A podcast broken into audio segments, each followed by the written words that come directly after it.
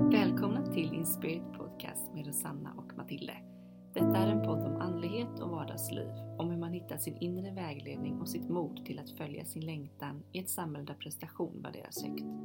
I Inspirit kommer vi att diskutera ämnen som reiki, tantra, yoga, meditation, relationer och en holistisk livsstil. Välkomna hit! Tjockadej!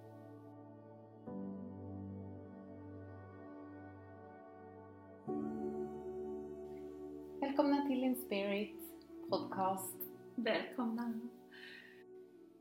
Så hur mår du? Jag mår bra.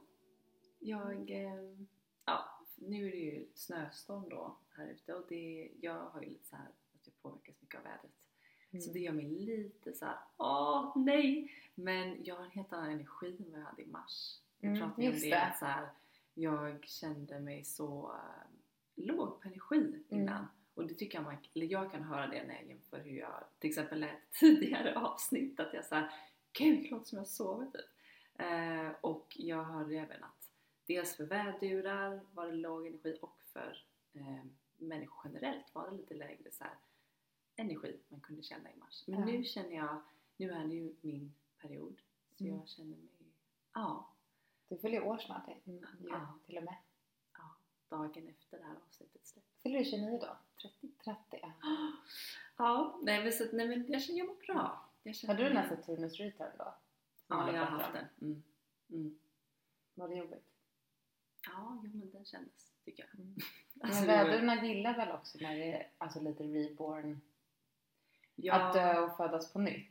ja, lite så. Ja, och jag har ju absolut att det händer mycket men är lite jobbigt än hur det var i mars. Att det Mm. var så här, för det var som att allt bara sa till mig att så här, dra dig tillbaka, ta det lugnt, Ja. s- slow down, alltså allt det där. Och det hatar jag. Mm. Så att eh, jo, alltså jag tycker ändå att det, Mm. det var... Mm. Jo men du. Jag känner att jag mår bra idag. Mm. Det är kul. jag har haft lite PMS.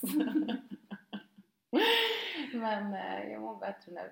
Nu känner jag mig okej igen. Jag Mm. tycker, det, jag tycker, jag räknar med det här. Alltså det gör ju alla vi som Mm. lever här i Sverige med det här, de här väderomslagen. Det är sant. Och jag tycker typ att det är intressant hur man så här, man glömmer allting. Man bara drar fram alla liksom, utemöbler, börjar typ plantera saker. Mm. Blir så lurad varje gång. Och sen Mm. så kommer de här, den här snöstormen Ja. varje år. Ja. Och varför Mm. blir det alltid lika arga? Visst är det, jag har en ny solstol på min balkong som jag satte upp igår. Ja. I så här Ja, bambu vad hawaii-stol liksom. Ja. Och den, ja. Men det här är väl liksom, om man bara relaterar till livet, liksom, det här, så här är det ju. Vi kan ju aldrig förutspå exakt hur något ska vara. Så Nej. vi kan ju lika gärna ge upp det och bara hänga med i flödet. Det är bara att gilla läget. Mm. Så vi brukar använda oss av ordet chokorei. Jag tänkte bara säga det också. Mm. Ni kanske, man kanske blir lite nyfiken vad chokorei betyder. Det är ett reiki-ord kan man säga. Eller en reiki-symbol Mm. som vi båda gillar. En Som är, kraftsymbol. ja. jag känner att jag sega idag. Nej men eh, chokorei står ju för fokus. Alltså att man tar bort dramatiken. Att man skalar ner från det breda till det lite liksom mer narrow down. Mm. Man kan vara väldigt dramatisk ibland och då kan man chokoreja det. Så man liksom tar bort överflödig dramatik Mm. och kommer ner till kärnan, vad som är viktigt. Och eh, i, vår, i vår familj används ju det frekvent liksom att barnen säger så. Chokorej, chokorej, choko choko. Twinisen kan säga lite så här, sluta chokorej. ah, det är ingen som tror på det här utom du. Men eh, det är bra när man börjar få in det lite i vardagen. Mm. Man kan chokoreja tvättmaskiner, situationer, sätta ett chokorej i, i handen när man börjar skaka hand igen inför möten och sådär kan man sätta ett chokorej. Men man kan också liksom, om man är i en konflikt med någon kan man sätta in ett chokorej, att det liksom flödar från en själv in till Mm. motparten och lösa upp dramatiken så att vi kommer ner till igen det som är viktigt. Mm. Vad det egentligen handlar om, en Mm. konflikt. Precis. Den är väldigt fin chokorej. Den har ju ett tak och sen har den en linje ner och sen har den en spiral. Mm. Så. Ja, den är så, jag tycker den är, ja, men, äh, som jag sagt innan, den är så gullig. Mm. Jag tycker den ser ut som ett litet djur. Ja. Man får så här- Åh, jag älskar chokorej-symbolen. Det tycker jag är så härligt. Det ser ut som en liten fågel med näbb och så, så hals och kropp typ. Så gulligt. Vi fick lära oss ju på Reikin att eh, ja, men man kan chokureja en mobil som inte funkar, en dator som inte startar, mat och allt möjligt. Och det, det funkar, alltså det är ju så sjukt. Mm. När, man, när jag står och liksom datorn har hängt sig eller Mm. en dörr inte går att stänga. Alltså det funkar ju det? Mm. Det är så sjukt. Som att när man står och typ sparkar på en skrivare. Mm. Som man gör. Nej men om man är så Ja. frustrerad. Att just Ja. ta ett steg tillbaka. Det är liksom Mm. chokorejet. Att ta Ja. ett steg tillbaka. Det lättar upp. Ja, men, och jag fick bara nu så här, nu är det absolut inte jämförbart med en svordom, jag bara fixar upp varför man svär till exempel. Och det kan väl vara för att få ut, liksom, få utlopp för någon, någon känsla Mm. och ka- för att kanske lugna ner sig. Och chokurej, att chokureja saker är väl lite samma sak. Ja. Bara att det är mycket finare liksom. Ja. Fokus står den för styrka och sen rensar den ju upp tung energi. Ja. Så den lyfter energi. Men vi tänkte ju prata lite idag om eh, det här med spiritualitet. Om hur... Ja men liksom vi, vi tänkte så här, gräva ner oss lite i illusionen om en spirituell människa. Mm. För att det är någonting som vi båda jobbar med. Ehm, dels att driva den illusionen om oss själva kanske, men också ja, men i, i, med andra. Alltså, vi har ju båda börjat från början någon gång. Vi har ju Mm. båda varit nybörjare och träffat lärare som har varit eh, som för oss har varit som gurusar och liksom kan allt och kanske aldrig heller är med om låga känslor eller Mm. man har nästan, jag har upplevt att jag inte har sett dem som mänskliga, eh, en del yogalärare och spirituell, spirituella människor Mm. som har kommit till min väg. Och det är intressant när man själv eh, jobbar med, med spiritualitet och liksom börjar vägleda andra. Precis. Att, eh, alltså vilket kaos det kan vara liksom, i ens liv. Eller det är i ens liv. Allas liv. Vi är Mm. människor. Det är ju aldrig liksom smooth och bliss. Nej, gud nej. Och det kan det omöjligt ha varit för någon. Mm. Någonsin. Mm. Ja, men jag, det, det påminner mig om det här man tänker om att många känner så här, nej men gud jag är en bluff, när ska folk komma på mig? Mm. Jag är inte liksom lika kvalificerad eller professionell, duktig, erfaren, vad det än kan vara, som alla Mm. andra. Man hör ju ofta det, men det är inte för inte utan jag tror väldigt många känner så. Mm. De man minst anar, för att vi all, det är så vi alla är, vi alla är ju människor men det, nej, det är så lätt att man tänker att någon är högre upp och liksom lite gudomlig på en piedestal och sådär. Och det är så man, jag vet att man kände, jag kände väldigt mycket innan, sorry men innan för mina typ släktingar och familjemedlemmar, äldre liksom i min familj att det var så att de kan aldrig göra fel och mamma och pappa kan allt och vet allt bäst och sådär och det, de kan mycket liksom och är duktiga på mycket men det är också saker som blir intressant när man själv växer upp och ser att aha, det där var, alltså där var inte de odödliga i just det där området eller den frågan eller vad det kan vara. Och sam, det är ju så för alla. Liksom. Mm. Och det är inget negativt egentligen. Det är inget så att de är, blir sämre för det. Mm. Utan det är ju snarare också det som gör oss mänskliga. Det där är väldigt det intressant att vi redan när vi är små, eller när, man minns ju lite när den, när det suddas ut, den bilden av ens föräldrar som allvetare. Mm. Och det är samma sak verkligen som du säger med den här världen, vad man Mm. lärt sig Mm. i livet. Att när man förstår att den som har lärt en Mm. inte är allvetare eller inte kan, gör allting perfekt. Det är extremt liksom en stark upplevelse som känns så den känns så trivial på något sätt men den är ändå stark. Ja, och kan nästan vara lite jobbig tycker jag. Jättejobbig. Jättejobbig. Jag har kunnat känna i vissa sammanhang att jag nästan blir lite besviken på Mm. att jag har blivit uppfostrad på ett visst sätt av någon i min familj till exempel och sen ser att den där personen inte alls lever som Mm. den har lärt. Eller Mm. det kan ju vara lite så också att man bara va? Tappar, eller jag kan tappa, inte respekten, lite att jag blir så här. Jaha, varför har du varit så sträng med det? Nu ser alltså man kan ju bli lite Mm. Och det så. är det som är så spännande att det, är, det handlar ju alltid om triggers liksom, i, Mm. i en själv. Att vad är det i en själv som gör att en spirituell, nu går jag till, jag går till det spirituella liksom, eller känner så att vad är det som gör att man behöver en guru där? Mm. Att man behöver, eller um, vad är det som gör att man lutar sig in så mycket i sin lärares perfektion? Istället för att se imperfektionen också som en lärdom. Att så här, eller också så här, hur, hur kommer det sig att lärare inte kan ofta... Gud vad jag... Ska ta om där. Ah, Okej. Okay. Jag kan känna, som ändå är... Jag är ju reiki master och eh, lär ut. Jag eller, håller ändå kurser, jag har gjort det nu ett år. Jag håller löpande kurser.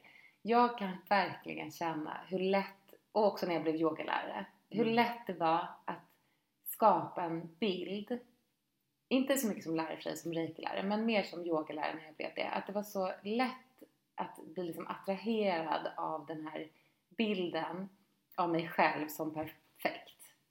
Mm. Och, och eh, som alltid är närvarande, som alltid kan skala bort det som händer en själv, liksom inte ta med egot, vara högre seende och liksom det är ju det är väldigt eh, eh, det är väldigt egoboostande att vara en sån person som folk ser upp till. Mm. Men att sitta på den pedestalen, det är liksom det är ju inte så skönt alltid. Eller det är ju Nej. skönt en stund och när man får egoboosten och sen rivs det ju. Mm. Ja, Och- då bygger man ju upp en slags bild med mycket prestation och rädsla kring det. Och det är ju rädsla och ego som gör, tror jag, att många inte vågar Mm. visa sig sårbara och mänskliga faktiskt. Utan man vill ha den här omänskliga, perfekta bilden. Men det gör ju egentligen bara ont för både en själv och andra. Ja. Så är det ju.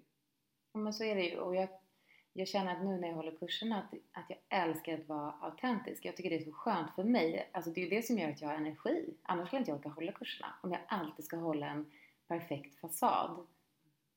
Nu, nu är jag ju så här, du har ju varit på mina kurser.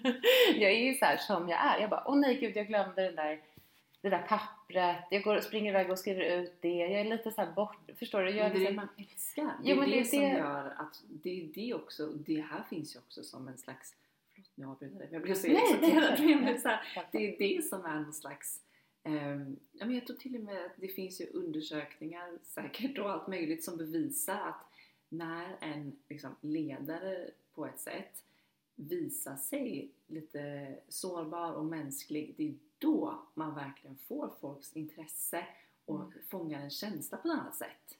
Mm. Så, så är det ju. Det, det är det som gör att man verkligen älskar dina kurser och din, just det du lär ut för att du har den här kombinationen av att du är så duktig och kunnig och inspirerande och man bara wow liksom vilken, vilken fantastisk person men sen också att du har det här att du är, du är som alla andra liksom. Mm. Även om det heter master som låter väldigt coolt och liksom. Ja. Det är ju verkligen, jag ser så mycket fram emot att bli master Ja, för att där är ju lite ego som är Ja. att jag så här, jag kan inte tänka mig en finare titel. Ja. Eller inte Nej men det är, titel, jätte, alltså, blir nej, men det är man bara, jätteintressant. wow, nej men det är det jag menar. Där kommer liksom. egot liksom. Ja, Och sen så bara känner man att vi, att, att, lä, att eleverna är, det här är så klyschigt men det är verkligen sant. Att eleverna är ju ens egna, ens egna lärare. mm, Att det är ju ingen skillnad. nej. Det är bara att jag har jobbat med det lite längre. Och sen så kommer ju Eh, eleverna göra det. Och även när de sitter på en kurs och aldrig har jobbat med det så lär, lär man sig så mycket. mm, Och mitt liv är ju så kaosigt jätteofta på utsidan. Så att hålla upp någon fasad när...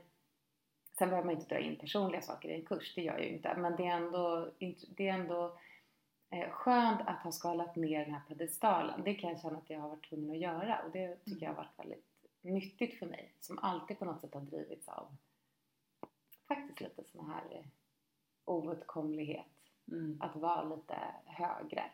Jag, jag börjar titta på det nu, att det är mycket ego där som ändå har styrt mig i livet.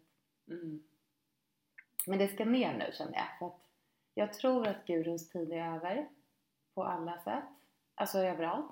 mm. Vi måste mötas på en, en gemensam frekvens.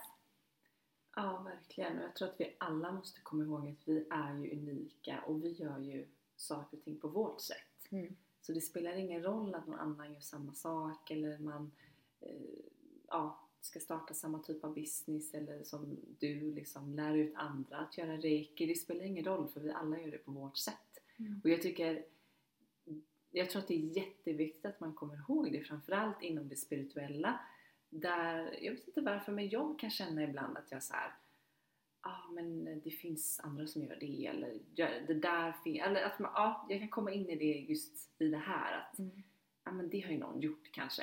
Men samtidigt om man jämför med musikbranschen Tänk om de hade sagt till massa artister, nej in, inte sjung den, såna Mm. där Det där typer tonen i låtar." andan. Ja, exakt! Alltså, tänk vad många man hade gått miste om Mm. då! Tänk vad många musiker det finns som gör alla är olika. Där är det, blir det så tydligt tycker jag, i musikbranschen just. Tänk om de hade sagt till Beyoncé liksom, nej nej nej, inte, inte gå in där. Liksom. Det finns andra som har sjungit Mm. lite R&B soul-låtar. Ja. Och det där är jag med om jätteofta på eh, behandlingar och sådär. När folk liksom drömmer om saker och, och sen säger de så här, men, vad, men jag, jag kan inte se att lilla jag ska göra det, jag är inte bra nog och sådär. Då Mm. brukar jag verkligen säga det. Jag gillar inte alls att prata om mig själv under behandlingarna men jag brukar säga så här, tänk om jag hade följt den rösten. För jag hade ju också den. Mm. Med, med liksom, nej jag är inte bra nog att hålla kurser, nej jag är inte bra nog att ge behandlingar. Förstår du många människor som inte hade fått reikin? Ja. För att de har ju dragits till mig. Mm. Precis som de dras till de andra som är utbildade. Mm. Att alla får ju sitt också, Mm. det är ingen brist där. Men, men mer så här att om vi följer egots röst, då kommer vi aldrig våga göra någonting. Nej. Vi måste vara modigare än så. Nu kom vi in på egot, nu Ja, vi iväg. Ja men, men ego är så intressant Mm. när man det är det inte Eckhart Tolle som pratar mycket om ego i hans böcker eh, ego och eh, self eller soul, kärlek, alltså vad man nu vill kalla det den här Mm. mer Higher self. ja, higher self liksom och det är så intressant när man man behöver inte läsa hur mycket som helst om det men bara man får en liten inblick i den här skillnaden mellan vad ego är och vad ens liksom Högre vetande, det är ju intuitionen Precis. också. Så vi kanske Ja, ska dra lite precis. snabb vad de två, vad det är för Mm. skillnad där. mm, För många säger så här, följ magkänslan. Men det är ju faktiskt magkänslan Mm. som man inte ska följa. Alltså Ja, egot eller- sitter i magen. Ja eller ego, alltså den, den känslan man ska följa är ju den som kommer först till exempel. För egot, egot är den rädslan som kommer. Eller till exempel om, om man står inför ett beslut. Det första du känner, det är det du ska följa. Mm. Har jag fått lära Mm, mig. mm. Och, men, men för egot, det kommer pyttelite senare med den Mm, rädslan. Men den Ja. här känslan som kommer knappt, alltså det är en millisekund. Ja. Det är mer din intuition, din, ditt högre jag. Det den gäller ju att vara väldigt närvarande där bara. Ja, ja precis. Det är ju lättare sagt än gjort. Och Mm. börjar man tänka, då snurrar man ju in sig. Så här, var är egot här? Var är det? Var är rädsla? Vilken kom först? Sådär liksom. Men det är det, egot är ju det rädslostyrda som boostas av eh, lite mer yttre faktorer eh, som styrs jättemycket av rädsla. Ja. Och, eller hur? Ja, verkligen. Och det är ju, men jag tror att man har svårt att vara så närvarande. Mm. Att höra, att höra den första. Mm. Men jag älskar det där, för jag tror, det tror jag verkligen också. Att det Mm. är intuitionen. Men det som jag har hört nu, som jag tilltalar mig, är att intuitionen är, går genom hjärtat. Mm. Alltså att man dras, man dras liksom till någonting, eller bort från någonting i hjärtat. Och det går genom tredje ögat liksom, ner till hjärtat. Mm. Medan ego, som vi behöver så mycket för att överleva, men det är också egot som sitter i magen i solarplexus som är mer så här eh, nej du är inte bra nog. Men också nej gå inte in i en mörk gränd för där blir du dödad. Så att egot är ju jätteviktigt. Ja, att inte precis. dö typ. Att vi behöver ju Ja. verkligen egot så det är sjukt bra att vi har det. Men skulle vi lyssna på egot som säger så här: nej ta inte den där lokalen, nej gör inte de där kurserna, nej du ska, du ska hålla dig på då säger vi till, till exempel för mig så här, du ska hålla dig på H&M för det är Mm. så det blev nu. Nu är du kvar och är nöjd. Det Mm. skulle egot ha sagt till mig och då hade jag, då hade jag ett val att antingen följa det eller inte. Mm. Och som tur är så gjorde jag inte det. Nej. Men det krävs väldigt mycket närvaro och mod. Det gör faktiskt det. Ja, och Där. ett, ett, konstant, och ett konstant jobb ju. Det är ju ingenting som du gör en övning på eller läser en bok om och så är det klart. Utan Och det är ju det här också varför man kan se, som både du och jag har fått erfara i olika situationer, folk som man alltid sett upp till mycket, som man har kanske mycket till egen, alltså på grund av en själv också, satt högre upp på en piedestal. Mm. Att de sen visar sig inte alls vara så som man hade tänkt. Det är ju för att de har ju också det här egot och ibland tar egot över. Ja. Och kan få utlopp då genom olika rädslor och, Mm. Och andra mänskliga saker såklart. Men det är intressant, det är ett tips till er om ni vill lära er mer att man kan Just Eckart Tolle har ju de här böckerna Ja. eh, Power of Now och A New Earth. Ja, Eh, just det. De pratar ju mycket om ego, har jag för mig. Jag hoppas att jag Men jag tänker liksom att jag tror att många spirituella människor pratar just om egot och det är det som gör att man tror som elev då mm. att den här personen som sitter och pratar om egot för det här har ju varit liksom länge, länge, länge, alltså i flera decennier om att här, egot ska bort om du ska vara spirituell. Mm. Då ska du inte ha något ego alls. Och därför så är det lätt att gå på illusionen om att den här läraren som pratar om det inte har något ego. För att annars Sant. skulle man inte sitta och prata om det. Eller liksom, men det är ju otroligt svårt att inte ha något ego. Ja. Egot är ju en mänsklighet, alltså, eller mänsklig eh, drift, eller vad säger vi? Mm. Egenskap, jag vet inte. Mm. Egot är ju viktigt som sagt för att ens överleva på, på jorden. Mm. Så vi har ju massa ego i oss. Ja, och man kan inte Såklart. förvänta sig att någon ska... Alltså hur, hur, hur blir man ens så, Mm. så hundraprocentigt kärleksstyrd? Mm. Då måste man jobba jäkligt hårt. Mm. Och jag tror att det är viktigt att, så här, att inte, inte bygga upp någon människa så, så högt eller så, re, som så ren. Utan Nej. att se att alla är mänskliga. Ja men precis och sen funderar jag nu, jag fick en sån här tanke. Är verkligen målet egentligen att få bort egot helt? Det är det väl inte? Utan jag tänker målet som ändå är ganska så lätt att uppnå det är ju att bara bli medveten om att det finns. Ja, Att, för så är det ju, då kan du ju i vissa situationer kanske ta ett steg tillbaka och se okej, där agerade jag utifrån mitt ego. Mitt ego blev sårat, rädd, vad det nu Mm, än kan mm. vara. Och det är där makten sitter. Då kan du själv välja om du vill ändra eller hur du vill göra med situationen till exempel. ja. Jag tror att det är så man kan det kanske känns lite mer uppnåeligt för annars Mm. tänker man ju så här: okej jag måste bli Buddha, det är mitt mål i livet för att bli en bra människa. Men ja, ja, det blir så han har ju något liksom, tungt. Ja. Ja, han hade ju verkligen ett ego och behövde göra sin resa Ja. som hette duga. Mm. Det blir så tungt om vi ska gå runt liksom i livet och inte få vara mänskliga. Men Ja. det ska finnas här.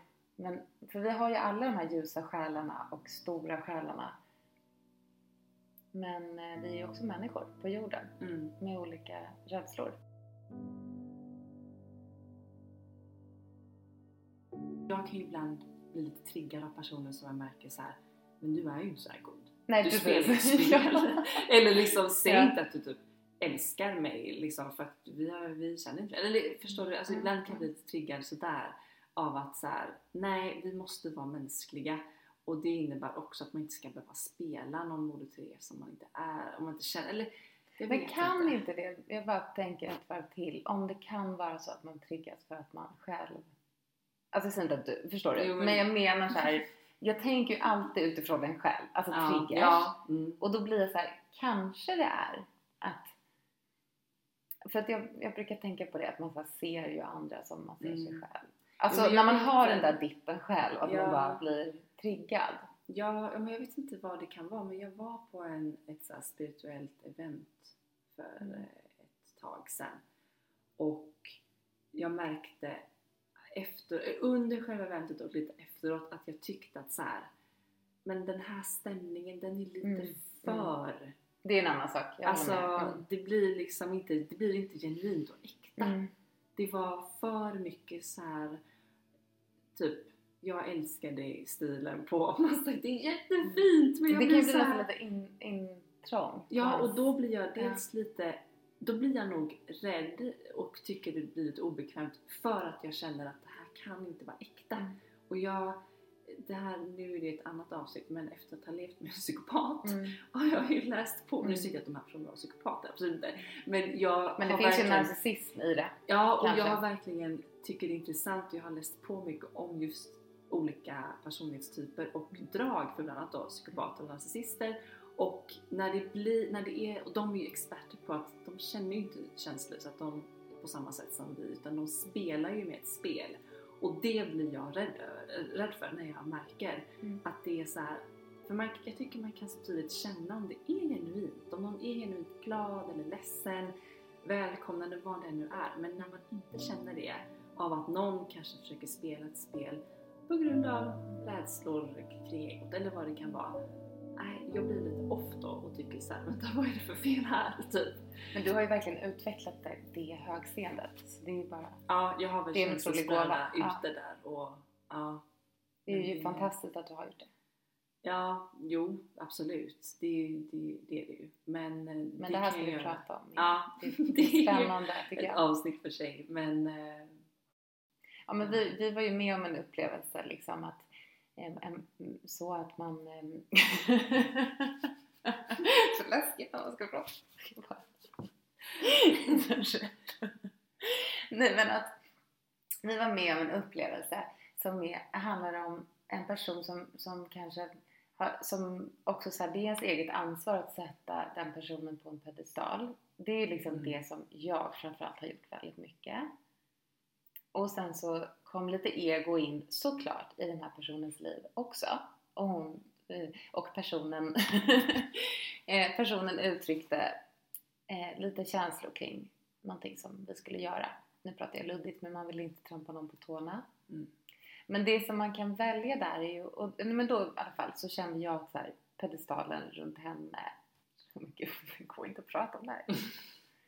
Nej men jag kände att illusionen revs väldigt mycket i, i den här masken, eller masken försvann på något sätt.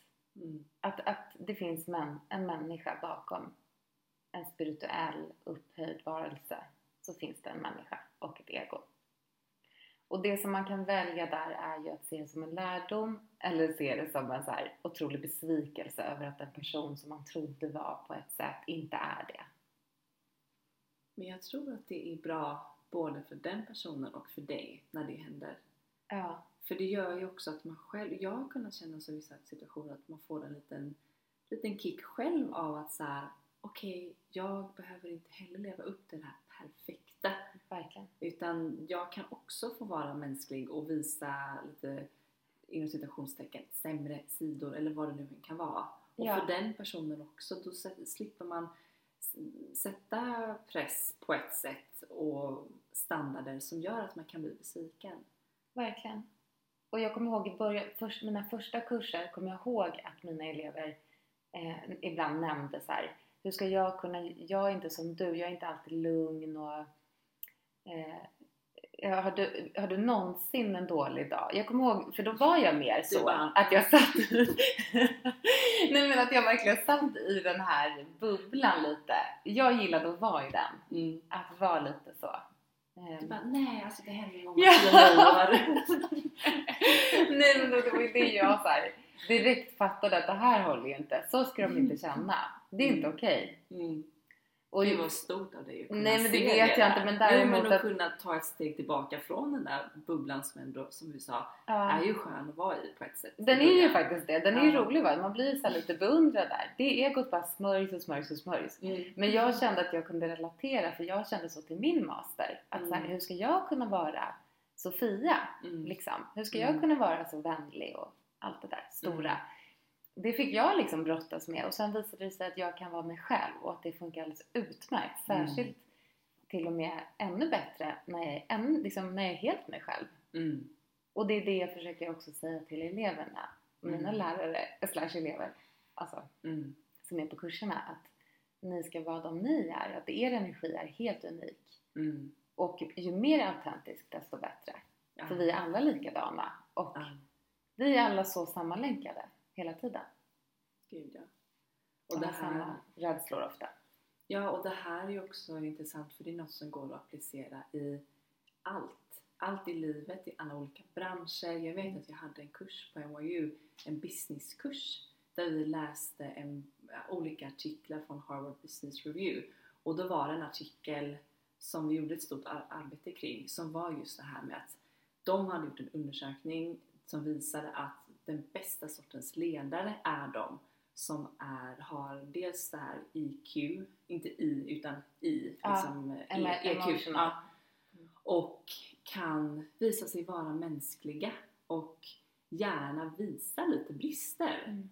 Och det, det var, det, nu var det ett helt annat forum men det var intressant att även där så pratar man om att så här, Mm. jo, även om du är topp CEO någonstans, du ska inte vara den här perfekta ouppnåeliga personen. Det motiverar inte andra. Det Men där kommer liksom min cyniska bild in, som var, eller min cyniska grej in att allt är ett spel och det kan jag bli lite så här, för att jag vill inte heller jag förstår vad jag menar. Alltså det är väldigt obehagligt, apropå psykopati, Mm. det är väldigt obehagligt om man känner så här, ja, jag ska vara så, liksom sårbar och autentisk för att få mer följare. Förstår du? vad jag? Jag vet ja, att det inte är så du menar alls ja. men det Ja. finns någonting i sådana där undersökningar som jag också tycker är så lite obehagligt. Mm. Mm. Men det där är... Exakt. Men, man, men det är där tror jag att det är så... Det är där man litar på sig själv. Mm. Om man känner så här, nej något är off, som du kände på den där mässan eller så. Att man är Mm. så här, nej något är off, det här är inte hundra autentiskt. Det här är något hon, hon eller han är ute efter något annat. Att man lyssnar på det utan att gå på the shining picture liksom. Mm. Precis. Men där är ju vi, jag tror ändå att vi, många av oss är ändå duktiga på att känna in det här. Vad är autentiskt? Och ett ämne som går lite hand i hand med det här ehm, är ju konkurrens. Mm.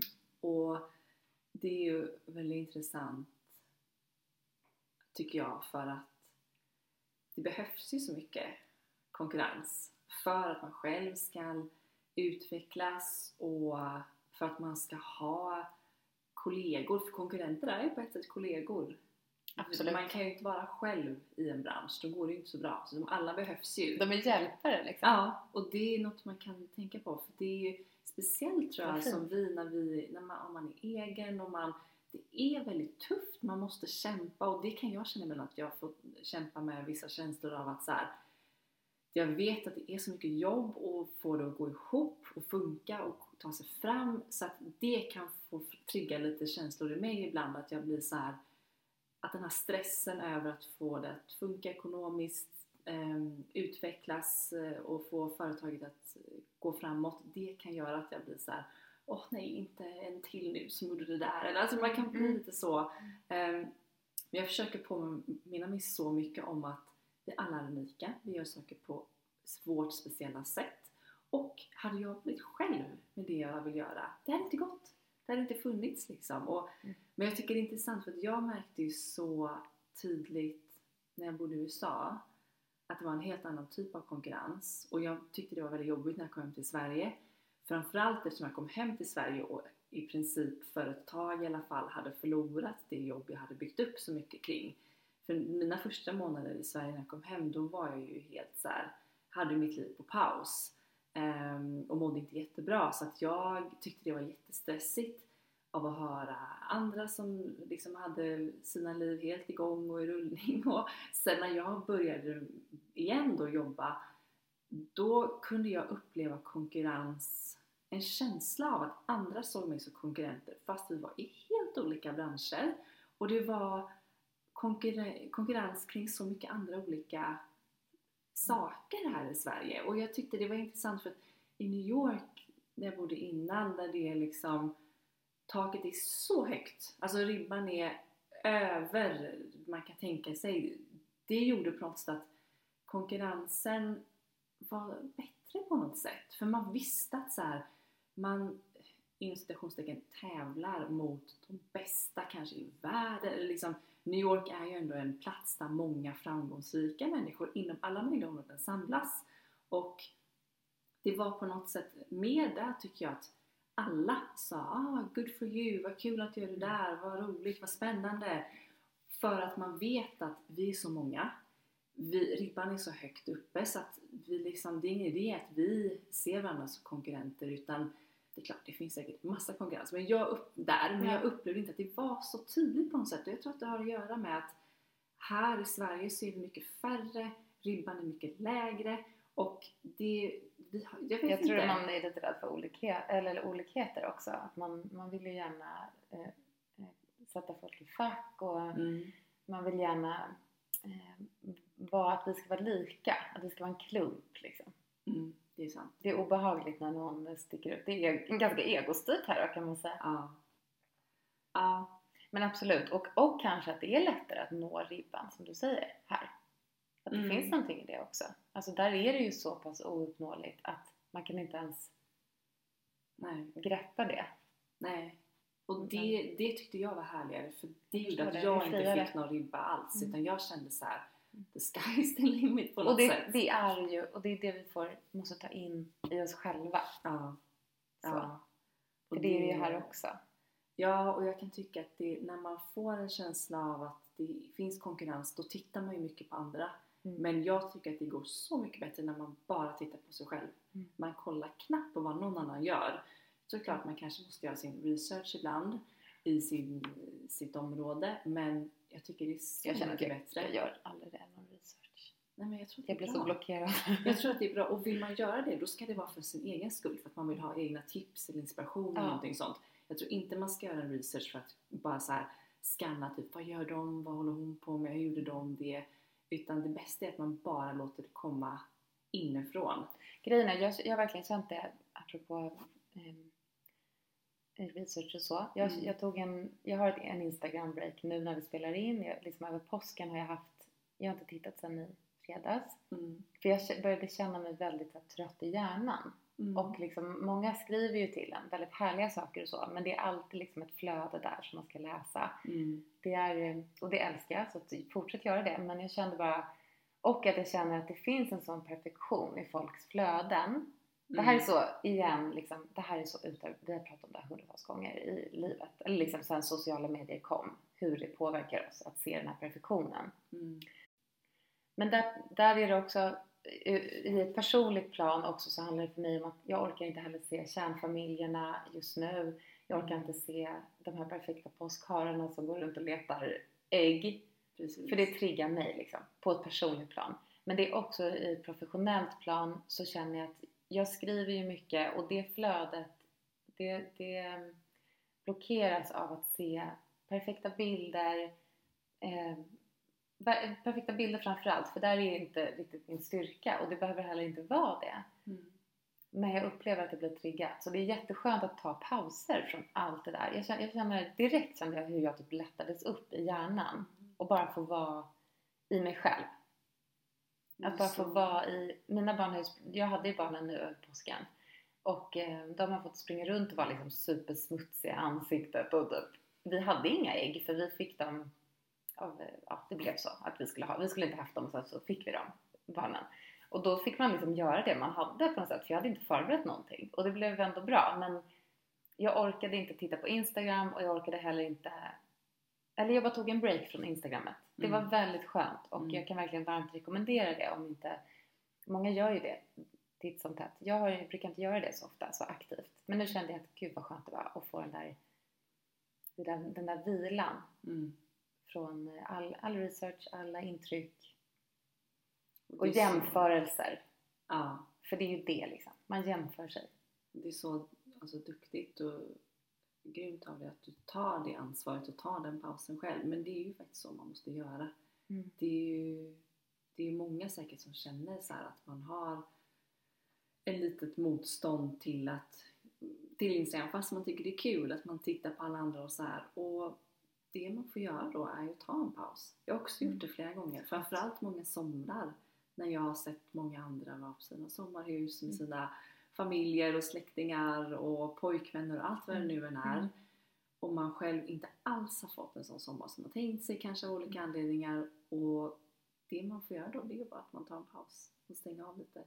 För igen, för att återknyta till det här med konkurrensen och det, att så här, vad är ens egen kärna? Varför har man själv börjat med sitt företag? Eller Varför har man själv skaffat sin, sina barn, eller skaffat sina barn? Varför har man själv valt att ha en familj? Mm. Om man nu kan det. Men förstår du, att så här, var, vad är ens egen kärna och drivkraft? Mm. För om vi börjar hela tiden ta in alla andras jobb och perfekta familjer som, som visas där och jag lägger också upp sådana bilder. Högst ansvarig för hela jag den grejen. Mm. Alltså vi gör ju det. Ja. Och det får man. Ja. Men mer så här att hela tiden checka in. Vad är min... Jag vill bara... Den här påsken till exempel, om vi går till familjen här. Jag ville bara att mina barn skulle känna sig fria från skola och förskola och bara lyckliga och liksom springa runt typ. Mm. det blev så. Mm. Istället för att de ska så här vara målade till perfekta små påskgummor Mm. och perfekta på bilden. Och samma med mitt jobb, att jag vill att det ska vara... Eller så här, min drivkraft där är ju faktiskt att lära folk att ge healing och att också kunna hjälpa människor som har det jobbigt. Det är ju min innersta drivkraft. Allt det andra, perfekta instagrammet, podden, liksom eh, egosmörjet, det är ju det, det är bara en massa så här smutsig, eller, eller bonusar, konfetti runt Mm. omkring. Men kärnan är ju det som är viktigt. Mm. Gud vad bra beskrivet. Det är så sant. Och det är jätteviktigt för alla oavsett om man, vad man än har för jobb eller situation i livet. Det är ju så bra påminnelse. Vad är kärnan? Vad, Ja. är, vad är det som är viktigt för dig? Och komma ihåg att checka in med det ibland. Framförallt när man känner att man inte mår helt hundra. Mm. Kanske Förlåt. när man inte mår helt. När man inte mår helt hundra och kanske bara ta och checka in så här. Okej, vad kan det vara? Och då ta det ansvaret själv att ja, det är nog att jag triggas av saker. Kanske på Instagram till exempel. Jag tar ett steg tillbaka. Jag tror faktiskt är ganska ofta att vi triggas så mycket mer än vad vi vet av sociala medier. Och kanske också av olika poddar vi lyssnar på. Eller av eh, va, vad det än kan vara liksom. Mm. Men, Jag, jag eh, vet att jag alltid varit så blåögd mycket Mm och inte fattat allt ifrån att olika familjer har barnflickor som hjälper till till tusen procent. Att folk ser fantastiska ut ja, för att de gör massa skönhetsingrepp, för att de har det och det och det eller för att de det, det har varit så mycket grejer där jag kände mig så dum för jag bara men gud jag har aldrig tänkt tanken. Jag har bara tänkt att det är så här Mm ah gud de är några över omänskliga, återigen satt dem på pedestal.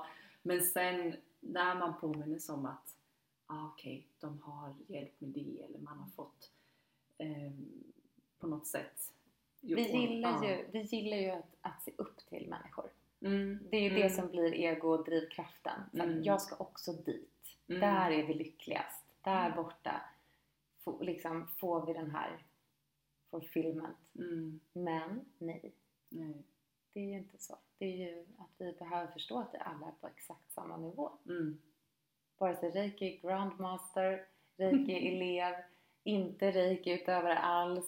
utövat reiki i flera år, Ja, det är liksom en vecka. samma sak.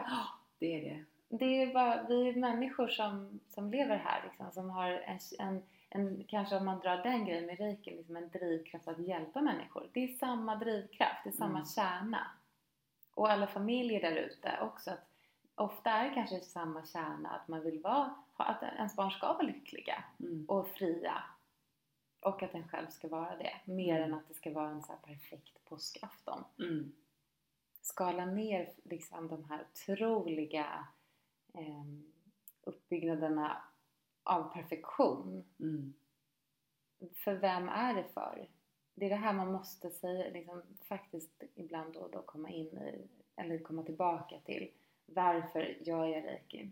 Varför, jag, vill, varför vill jag jobba med det här, med spiritualitet? För att jag vill nå ut med det och hjälpa människor. Det är ju mitt svar.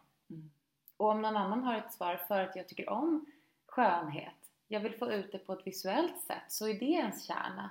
Mm. Alltså det finns inget rätt och fel i det där. Man behöver Nej. inte vara, man behöver inte göra som alla andra. Mm.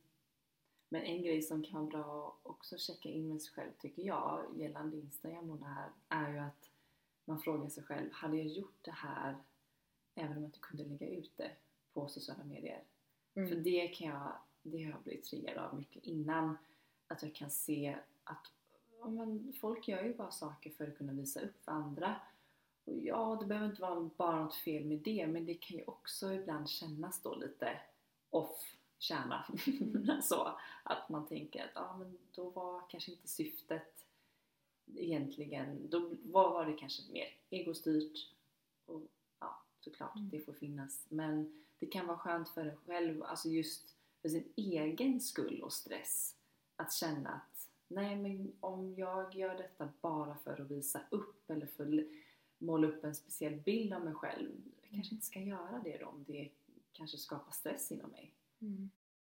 Men sen också det här med en spirituell människa vill jag bara dra in här ett sista litet ryck. att eh, hur, hur man kanske tänker sig att en spirituell människa sitter. För jag, någon gång när jag skulle gå på en dejt så var det så här, ska, vi, ska, jag, gå, ska jag ta dig till någon, frågade han då, Ska jag ta dig till, till söder till ett grönt tehak eller vad gäller men- för dig? Den där Och har det där. hört några Mm. gånger, de har fördomarna. Ja, och det är ju grejen är så här, det hade ju du älskat Matilda, det vet jag. ja, ja. Du hade ju bara ja, och det, det vet jag med dig. Alltså, då är det ju härligt och charmigt och underbart. Mm. Alltså gud vad man inte ska, alltså jag menar inte alls att Nej. säga att det inte är okej. Men jag menar bara hur, hur, ehm, hur fel det är med vem jag är. Mm. Och jag kan verkligen förstå att den bilden har målats upp av mig. Att, vara, ehm, att, att tycka om det, att vara där vill jag vara på min dejt. Det kan jag ändå förstå att, det, att Mm. man kan tro det. I alla fall förr så. Mm. Men eh, att för mig så är det ju jag dricker jättemycket vin, alldeles för mycket vin just nu känner jag. Nej men och liksom allt vad det är att, Mm. att man måste få vara där man är. Även om man är spirituell eller även om man är vad man än är. Att så, man måste få, få vara i njutning och i, nu börjar med njutningsprata. Nej men okej, jag vill bara säga, jag vill bara säga så här att eh, det vet alla där ute säkert. Men man skalar ner illusionen om vad man får göra som spirituell. Mm. Att så här, var vild liksom på alla sätt, vad det än betyder för dig. Men var dig själv. Verkligen. Och jag tycker man, jag har känt så mycket kring yogan att jag kan tycka, jag har känt, upplevt en sån stämning av andra yogisar, yogalärare att du typ måste ha några gurus i Indien du åker till ofta och du ska helst ha sanskrit tatueringar på kroppen och alltså där, jag vet inte, men av någon anledning tycker jag att i yogan kan det vara ganska mycket så här Mm. saker som man bör ha eller ska sådär liksom för att vara en riktig yogi och Mm. sådär. Men Jag känner mig så bortkopplad från yogavärlden just nu. Men det är intressant Mm. att du, jag kommer ihåg att det var så för mig också förut. Mm, mm. Nej men att eh, och det kan, ja, det kan trigga mig lite. Och det ska vara så mycket clean och clean och clean och clean. Och du jobbar ju också mycket det, förstår du? Med Mm. maten och det här. Det är ju så, alltså jag, jag höjer mig i frekvens när jag äter din Mm. mat. Den är fantastisk. Den är verkligen det. Men man måste få äta det man vill äta. Alltså Ja. det som, liksom för mig så här, jag äter ju köttet, Mm. dricker vinet, Mm. etc. etc. Det Mm. måste få vara så också. Mm. Så att vi inte tycker att vi, eller så, här, så att det inte triggar igång ångest och, och igen det här Mm. gömmandet av vem vi egentligen är. Men utåt sett är vi clean eaters hela tiden. Ja, för det ska ju komma återigen från kärnan. Ja, vad jag älskar ju den maten för jag alltid har gjort det. Eh, jag har ju ätit kanske en chicken McNugget i mitt liv. liksom. Ja men du älskar ju den maten. jag, jag, jag gillar inte sån här annan mat. Sån, sån här annan mat. Och jag säger inte att jag Så, men- sänker mig i frekvens när jag äter, äter kött. Det är inte det jag Nej, menar heller. Men jag nej. menar bara att så här, jag mår väldigt bra av din mat och det Ja. beror på att du sätter din energi i den. Så det är samma sak som med allt. Att så här, äter man en köttbit av, med, i den här kärleksenergin Mm. så är det också jättebra. Precis.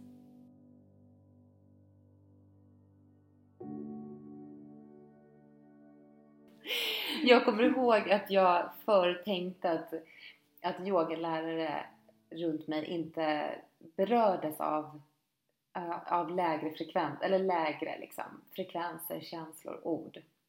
Utan var så pass höga, alltså i sin frekvens, eller Mm. liksom eh, rise above hela tiden, att de Mm. inte drabbades av Men av, av lägre beteenden. Mm.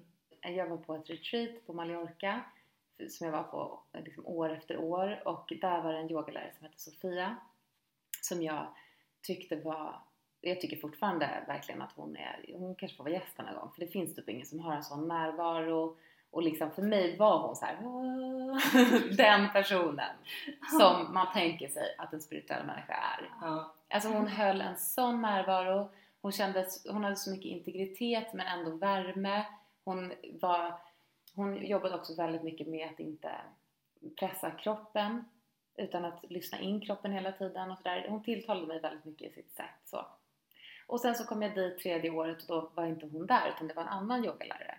Och då kom jag ihåg att jag sa till den här yogaläraren som var där, den nya, att jag önskar, eller såhär, åh vad tråkigt att inte Sofia är här, sa jag.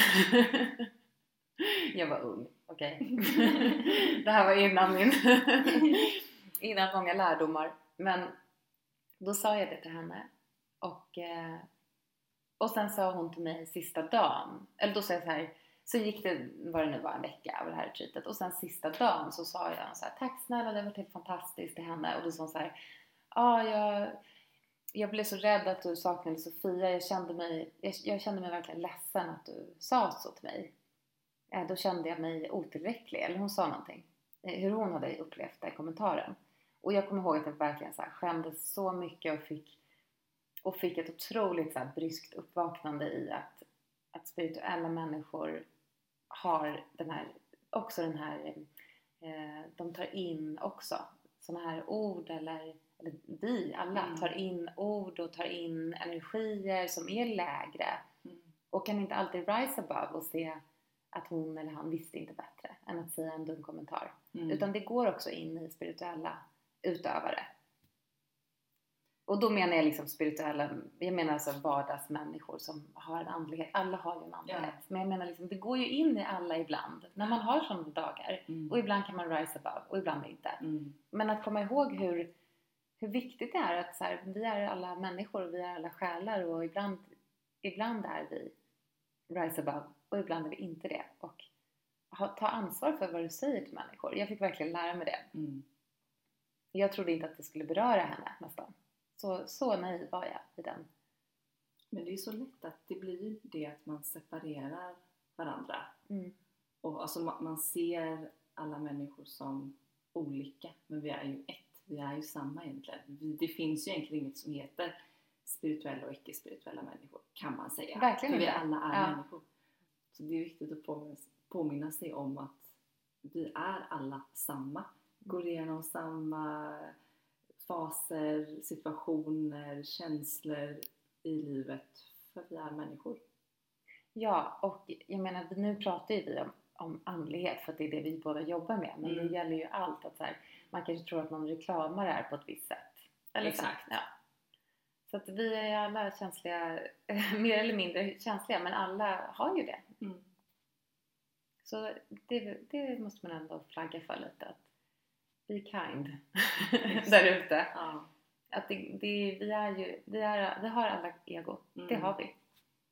Och ofta, något som får mig att tänka på det här också är ju det här med att, som vi pratade om lite förut, att om man ser någonting hos någon annan, det kan vara någonting som triggas hos en själv. Att vi Mm. är ju varandras spegelbilder också. Ja, Eh, så det ska man också komma ihåg. så mycket så. Mm. Men vi, eh, vi kommer fortsätta vara autentiska här i podden mer och mer känner jag. Mm. Ehm, och vi båda har pratat om det, hur fint det är att få meddelanden från er om era historier och ehm, feedback på podden och sådär, att ni verkar tycka om den och tycka om oss. Ögonen smörjs. Nej men att, att, ni, att ni delar med er, det är jättefint. Ja, Och tack för att ni har också gett massa stjärnor på iTunes, det betyder jättemycket. Och tack för att ni lyssnar och vi ses igen nästa vecka. Tusen tack. Tusen tack! Tjokorej! Tjokorej!